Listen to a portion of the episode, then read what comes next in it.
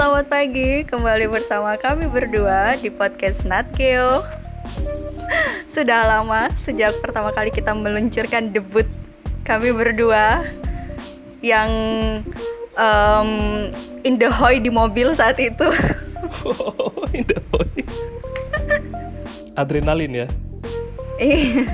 yang memacu adrenalin. Ah. Iya, benar. Parkiran McD. Iya, masih ingat kan rasanya? Masih, masih, masih. Wow, wow, wow, wow. Geblek Dua episode banget loh sih. kita kemarin. Iya, dua episode ya. Memuaskan sekali. Sangat memuaskan. Terima kasih. Jadi kita hari ini tuh Eh. eh, mau membahas tentang romantic love relationship. Loh, kemarin kamu bilang love hate relationship. No, aku bilang romantic love. Itu Ya, oke. Kita Oke. eh, kalau kita bicara tentang romantic love itu kita sebenarnya akan melihat dari komponen-komponennya. Kita nggak bisa kayak mendefinisikan romantic love itu kayak gini gini gini. Karena eh, ketika kita merasakan apa yang namanya cinta itu terbangun, terbangun dari satu adanya attachment, Terus yang kedua eh, ada tiga sebenarnya komponen. Yang satu ini agak sensitif untuk kita bicarakan ya, berhubung saya belum menikah ya. Jadi Nggak apa-apa. lalu yang ketiga ada seks. Oke. Eh, yang paling utama atau yang paling paling besar pengaruhnya untuk romantic love itu adalah attachment. Jadi kayak contoh nih attachment eh, dari teorinya Bowlby, teori dalam psikologi perkembangan. Kalau kita masih kecil, waktu kita masih kecil, kita masih bayi gitu. em, kit- hubungan kita dengan ibu itu harus dibentuk, dibangun dan itu akan menciptakan kelekatan atau attach, attachment Hmm. kedekatan itu baik secara eh, eh, baik secara emosional maupun fisik semua kebutuhan-kebutuhan itu dipenuhi oleh si caregiver si pengasuh si ibunya. Nah anak di sini akan merasa nyaman dan juga merasa eh, aman. Karena semua kebutuhannya dipenuhi oleh si pengasuh atau si ibu. Nah, dari situlah berkembang bahwa ketika kita menjalani kisah cinta yang romantik, yang em, ada percikan-percikan romansa-romansa Mm-mm. eh, di udara-udara, itu akan. Iya bener komponen dalam romantic love itu kan ada tiga attachment, Mm-mm. caregiver, caregiver sama seks gitu. Mm-mm. Nah ketiga hal ini eh, yang membentuk, membangun eh, eh, terciptanya itu hubungan yang romantis bersama pasangan. Berarti tanpa tiga itu nggak romantis.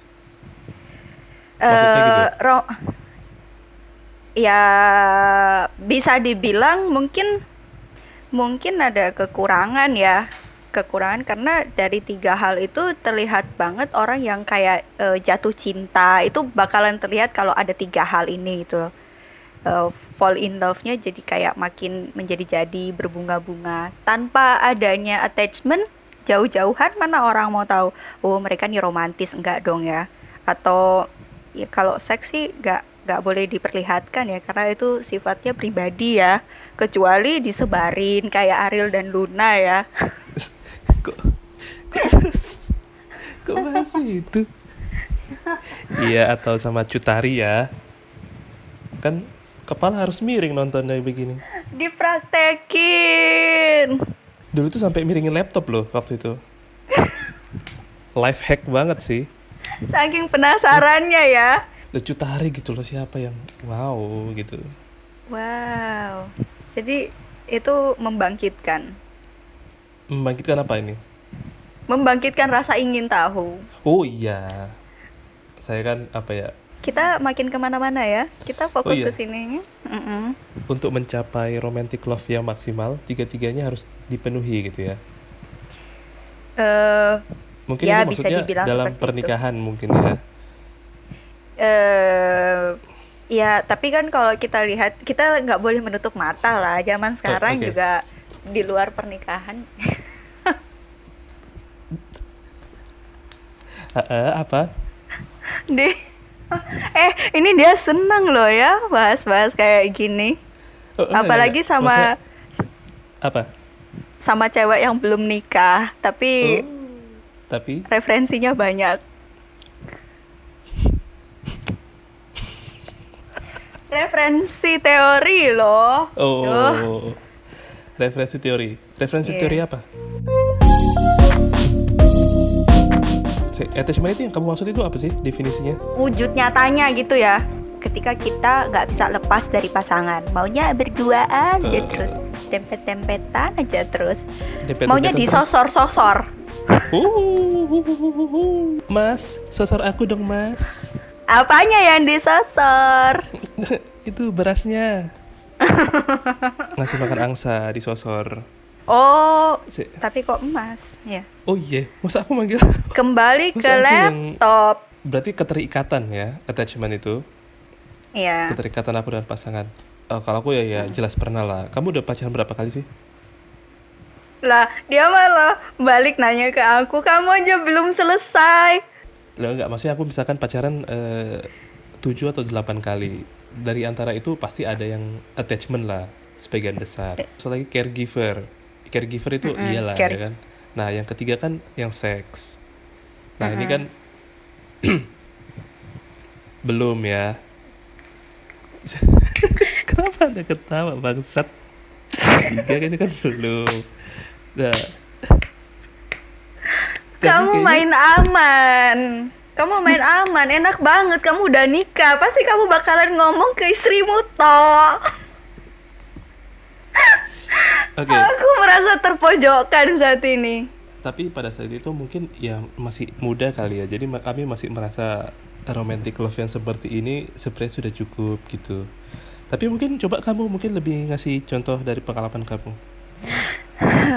Eh pengalamanku. Aku sih ya kalau aku hmm, ya paling kalau dibilang sampai berhubungan yang jauh ya eh dipikir-pikir gitu kan. Dipikir-pikir Jadi mungkin- maksudnya?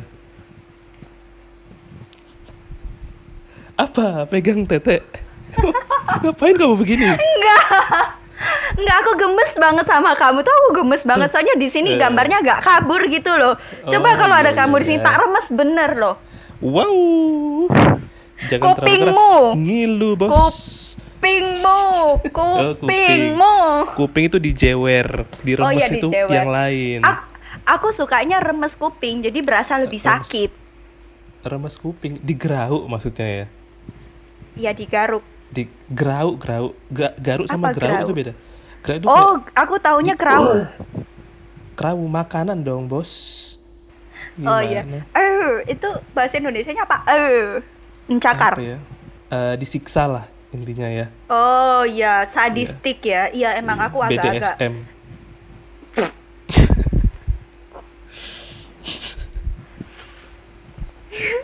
ngawur kita ini beneran 18 plus. oke jadi apa tadi lanjutan Enggak ya, ya oke kita bahas satu persatu aja dulu ya. Aku merasa hmm, kalau kayak enggak tadi kamu belum selesai dengan pengalaman kamu ya gak usah kamu mengalihkan Iya. pembicaraan Iya, ini pengalaman Eh, aku salah satunya. eh, iya Mm-mm. Kita santai aja kan ya, nggak Oh, perlu memberikan santai. beban kepada sesama temen kan ya. suka suka suka aku kan mau memulai dan mengakhirinya di mana gitu kan. Loh kan biar jelas gitu loh masa nanti pendengar oh sudah di udah sampai sini mau sampai ujung eh gak jadi Jangan klimaks cepet-cepet. Waduh. Kenapa? Kenapa kalau cepet-cepet? Ya nggak seru nggak seru. Jadi kan orang kalau kalau membuat cerita buat novel itu kan harus Iya. ada eh, mukadimahnya ada eh, pengenalannya dulu di awal terus ada bagian konfliknya terus eh, pokoknya klimaksnya itu belakangan gitu loh. Ah itu baru. Novel Tapi yang bagus klimaks, cerita yang kan? bagus. Harus. Oke, cuma harus ditarik ulur tarik ku ulur kejar- tuh. Ku kejar klimaksnya ya. Tidak, jangan. Oke, oke. Nanti Oke, bisa lanjut, runtuh silakan. reputasinya. Oke, oke. Silakan lanjutkan lagi. Sampai mana ya? Oh ya, kalau aku dari pengalaman selama ini ya pacaran ya, pacaran biasa aja sih, normal-normal aja gitu. Oke. Normalmu itu Hmm. kayak gimana? Normalku itu ya kalau ada sentuhan-sentuhan fisik itu bisa menambah kayak percikan-percikan gitu kan. Seperti apa itu Ya, kalau- sentuhan fisik? Ya pegang tangan, Ah, oke. Terus terus dibelai-belai di bagian di mana? Di mana? Dibelai di mana? Di rambut, kepala, Oh, di kepala, rambut. kepala. Oh. Iya. Rambut oke, oke. ini. Disayang gitu ya. Terus Iya disayang, dibelai-belai manja gitu. Iya. Tiba-tiba kurr. kucing. Itu kucing. ada HP di tenggorokan, bergetar. kucing maksudnya, Bos. Tapi memang ada sensasi-sensasi getaran sih. Kalau Hah? Gimana gimana gimana? biasanya biasanya kan kayak geli-geli gitu kan ya. Kalau Eh? misalnya di di usap-usap, dibelai-belai. Terus kalau kena di kan kita nggak tahu ya titik-titik sensitifnya manusia di mana. Kalau nggak sengaja Enggak, gitu. kita lagi kena- bahas kamu. Iya iya. ak- Kamu em, terkhusus kamu di kepala ya? Eh, enggak, aku enggak Oh, dong. enggak. Masa aku kasih tahu titik lemahku di mana? Itu bukan titik lemah. Justru itu titik surga. Iya dong. Biar lo kalau orang lain tahu berarti dia bisa membahagiakan kamu lebih maksimal. Dia nggak Oh, menerka-nerka iya. lagi. Eh, tapi tapi kebahagiaan itu bukan hanya dilihat dari situnya. Aku sih nggak nggak setuju ya dari kepuasan batiniah, kepuasan-kepuasan biologis. Kenapa Ke- kebutuhan biologisnya kenapa? Sorry ya, maaf. Iya iya. Ada interupsi tadi. Ada erups erupsi di bagian leher. Eh, apa ada ereksi? Erupsi Oh lendir. erupsi. Uh, wow, wow, wow. Karena yang paling penting di sini tuh satu eh, kepercayaan kita dibangun. Kedua, rasa nyaman. Jadi kalau udah percaya, kita nyaman, kita bisa jadi diri kita sendiri, kita bisa bicara sama orang eh, pasangan kita em, tentang apa pun yang kita inginkan di masa depan. Kita bisa bangun visi misi bersama dan membangun komitmen. Komitmen itu paling penting. Ya, Kalau tiga itu Kepastian. sudah tapi tidak ada komitmen itu gimana? wah buyar, Buyar. buyar. Lebih baik disudahi. Apalagi nih wanita ya. Wanita itu butuh namanya kepastian. Enggak, ini bukan curhat loh ya. Ini cuma Oh. aku speak up Iya, untuk wanita-wanita di Iya. luar sana yang merasa bahwa aku tuh udah deket banget ya, udah em, sedekat ini gitu loh, Deket apa? sedekat ini. Ud. Iya. Itu apa itu maksudnya? Deket Maksudnya banget tuh ya? eh, deket banget, deket Ah. banget sampai eh, apa yang apa yang dia sembunyikan, apa yang dia rahasiakan Mm-mm. selama ini itu tahu. Hmm. udah sampai tahap itu eh, sem- baik baik buruknya ya udah bisa sama-sama dimaklumi tapi kok dia tuh membuat kita itu seperti pintu kapan pun dia mau buka pintu terserah dia kapan pun dia mau menutupnya terserah dia nah kita bawa ke kasus nih. Kita ini udah deket ya sama cowok. Dia bikin terms and conditions. Kapan pun dia mau ngubungin kita suka-suka dia kita nggak boleh marah. Kita nunggu aja. Ya kapan pun dia nggak ngubungin kita sabar aja. Gitu. Nah Eh, ini bukan curhat kan?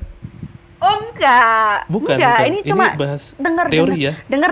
Iya Contoh iya. kasus, eh, real iya. ini real Oke, ini oke. real. Kasus dari Iya. temen. Cerita ke Temen. aku aku Oh. temen. Oke. cewek itu kayak dibikinnya itu dipikirnya mungkin nggak punya perasaan kali ya. Jadinya eh mau nggak mau harus menerima. Terima aja terima aja. Oh iya kamu mau buka pintu. Silakan masuk. Kamu mau keluar pergi lagi. Nggak apa-apa silakan datang kembali. Dipikirnya ini Indomaret Indomaret berarti begitu pintu dibuka langsung disambut. Oh selamat datang di Indomaret. Selamat Oh iya, berbelanja disambut persis. banget ya. persis Pas kapan pun pergi. pengen ketemuan ayo Waktu pergi pergi, tanpa tanpa terima ngomong kasih, silakan datang kembali gitu. Wow ramah sekali. walaupun pelanggannya nggak ngomong "Eh, makasih ya udah disambut tetap aja di Indomaret iya silakan datang kembali romantic love itu ada dua jenis. Yang satu reciprocated love atau cinta berbalas Hmm. timbal balik. Yang kedua adalah ada unrequited love requited love. Cinta tak berbalas. Oke jadi artinya kalau reciprocated ya ada timbal baliknya lah di mana semua yang diberikan oleh salah satu oleh seseorang itu berbalas. Semuanya dikembalikan ke dia juga gitu. Dia kasih perhatian dia kasih kasih sayang. Dia juga mendapatkan hal itu. Tapi kalau yang satunya cinta tak berbalas dia akan merasakan hampa dia akan merasa cemas dan merasa sedih ketika ada dalam hubungan yang romantis tapi orang itu tuh jauh. Eh, tadi kan kita, kita sudah bahas contoh kasus Hmm. masalah. Terus eh, menurut kamu bagi teman-teman yang mengalami seperti itu solusinya apa? saya tidak memberikan solusi Oke, cara kamu deh apa? saya juga tidak menemukan cara karena saya nggak mengalami itu tuh On progress? Oh enggak ya? Gue pikir on ini progress. ini ini enggak ini tipe-tipe orang yang diskusi tapi menolak untuk memberikan solusi itu kayak tipe-tipe fuckboy sih kampret Fuck.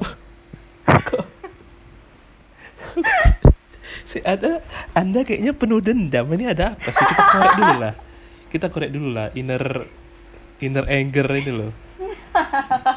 inner anger enggak aku aku cuma sekarang itu ada di di posisi di mana melihat segala sesuatunya dari kayak ah bullshit deh bullshit bullshit semua itu apa apa tuh bullshit hubungan yang normal-normal yang berjalan dengan baik-baik aja itu bullshit Ya, ini ini pasti dari pengalaman. Ya, saya mengerti. Kalau ada misalkan sebuah karakter menganggap romantic love itu adalah apa ya, sebuah kecacatan atau tidak ada atau corrupted love itu di dalam pengertian dia, berarti ada yang salah dong.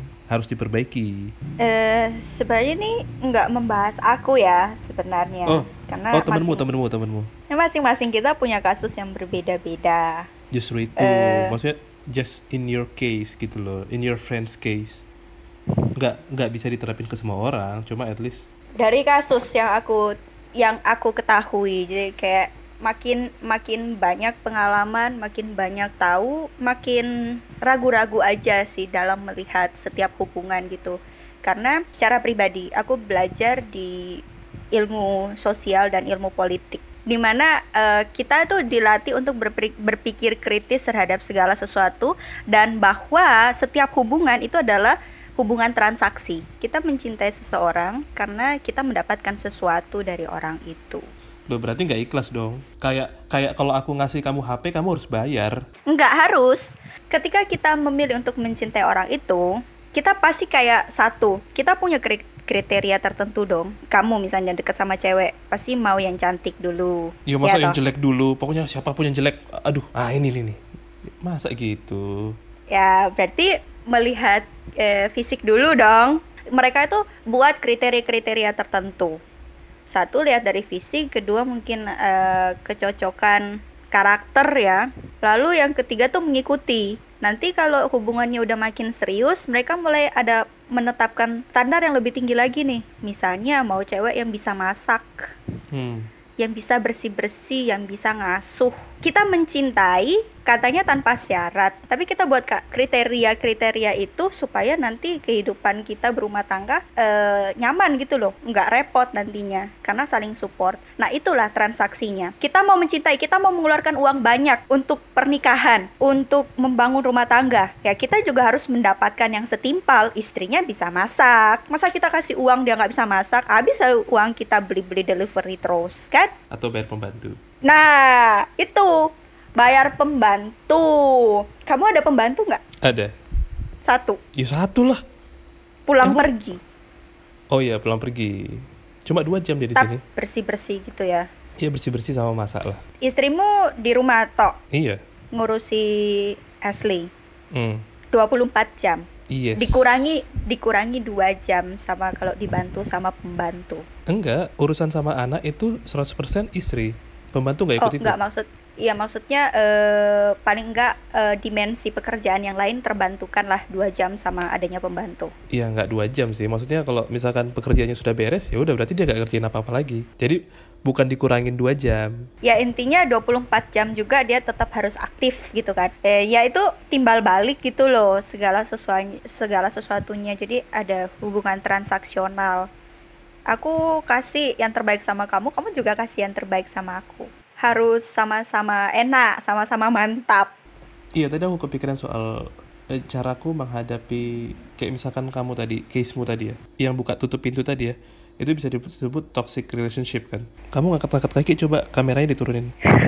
Enggak aku Ini aku duduk kayak ngelesehan gitu loh, gini loh. Aku lebih leluasa, ngangkang pun nggak masalah, gini loh. Mana mana kamera mana? Kamera tolong diturunin dulu. Nggak, nggak usah, nggak usah, nggak usah. Ngapain kamu ngangkat-ngangkat gak kelihatan? Masa Ngangkang aku nunjukin ke kamu? Ngangkang itu harus Apa? ada yang Bagi-bagi? mengapresiasi. Aku kepikiran soal mantanku yang sebelumnya, ya cukup toksik lah.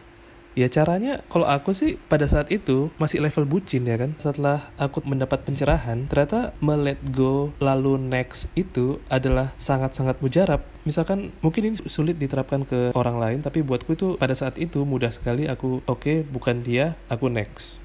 Ini tukang buka tutup pintu ini customer bangsat tidak tahu diri, next aku cari orang lain. Nah, mungkin di dalam otak kita, aduh siapa lagi nih orang yang bisa aku pacarin nih? Cewek di Surabaya itu udah tinggal segini doang.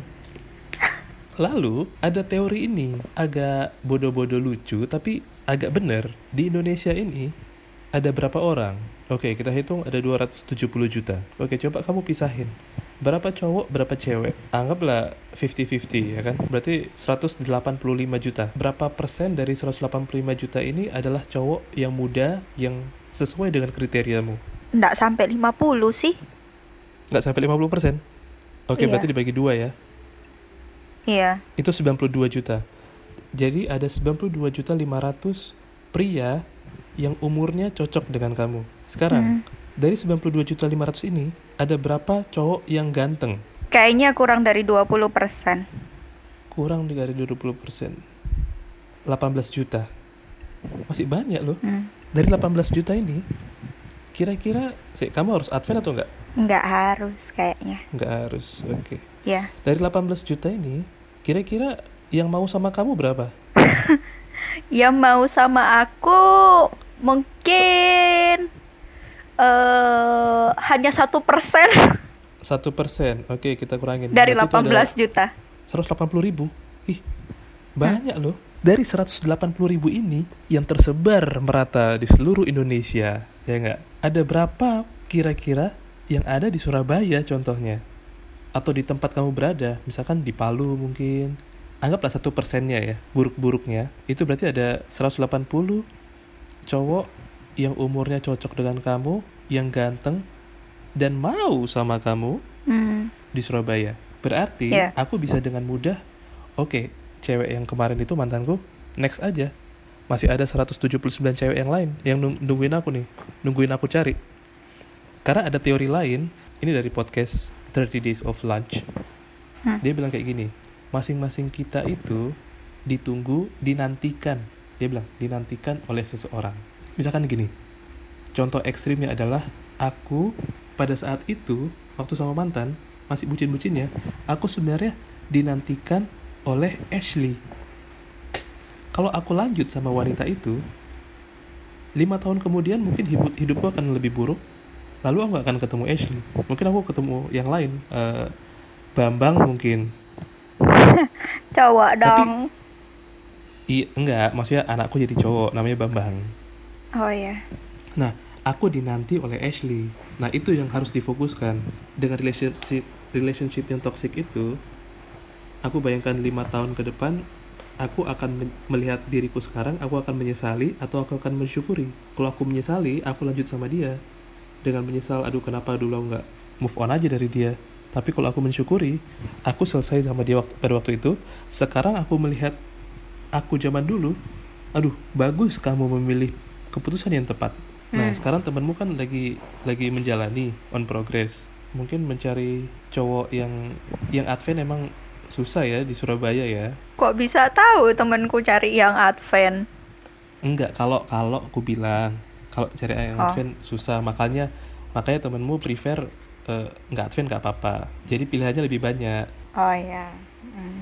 Itu sih teori saya, teori yang saya tahu. Oh iya, bisa nanti nanti saya sampaikan ke teman. Bagus itu bagus, bagus teorinya itu membantu sekali ya untuk dia berpikiran terbuka gitu supaya Iya. pikirannya tuh nggak sempit-sempit amat gitu loh. Lihat bahwa kamu juga bisa gitu loh cari orang bukan hanya di Surabaya, di luar negeri juga banyak. 180 ribu itu hanya di Indonesia loh. Iya, di luar negeri, bener. Eh, berapa miliar orang tuh kalau dihitung lagi. Matematikanya tuh bisa secara matematika. Mm-mm, bener, bener. Temenmu siapa namanya? Eh, siapa ya? Dia nggak mau disebutin namanya, dia nggak mau Iya. terungkap, nggak mau terekspos. Inisialnya lah. Inisialnya itu em, C, C, oke. Cebok kan? cebol. Berarti tingginya nggak terlalu lah. Iya bener. Bener. Iya kayak kecil-kecil imut-imut gitu. Imut-imut. Aku barusan kepikiran, kamu tahu teori five love language? Iya tahu. kan tadi kamu bilang ada tiga Iya, ada tiga komponen itu. Di Hmm. universe lain ada lima five love language, tapi nggak harus lima limanya terpenuhi. Lima ini cuma sebuah rumus untuk mengerti pasangan aja. Kayak bagi yang belum tahu, lima five love language itu physical touch adalah sentuhan fisik, quality time, eh ada lagi gift ngasih kado, word of affirmation, act of service. Buat yang nggak tahu, act of service itu contohnya suami pulang kerja, tiba-tiba rumah udah beres. Nah itu act of Yep. service. Mungkin dia nggak ngomong I love you, I love you, I love you, tapi melalui perbuatan makanan sudah ini, anak-anak sudah beres, piring sudah dicuci semua. Nah itu act of service. Ya itu sih yang mau aku tambahin. Five love language itu ada tesnya di di internet googling aja. Jadi misalkan aku sama pasanganku nih, kita sama-sama tes kira-kira kita tuh yang mana. Jadi bisa lebih Hmm. memahami jadi attachmentnya sama caregivernya lebih lebih iya kan mm. iya lebih mm, iya. sip sip pakai sip makin sip, sip. eh ngomong-ngomong itu tadi bagus tuh tambahan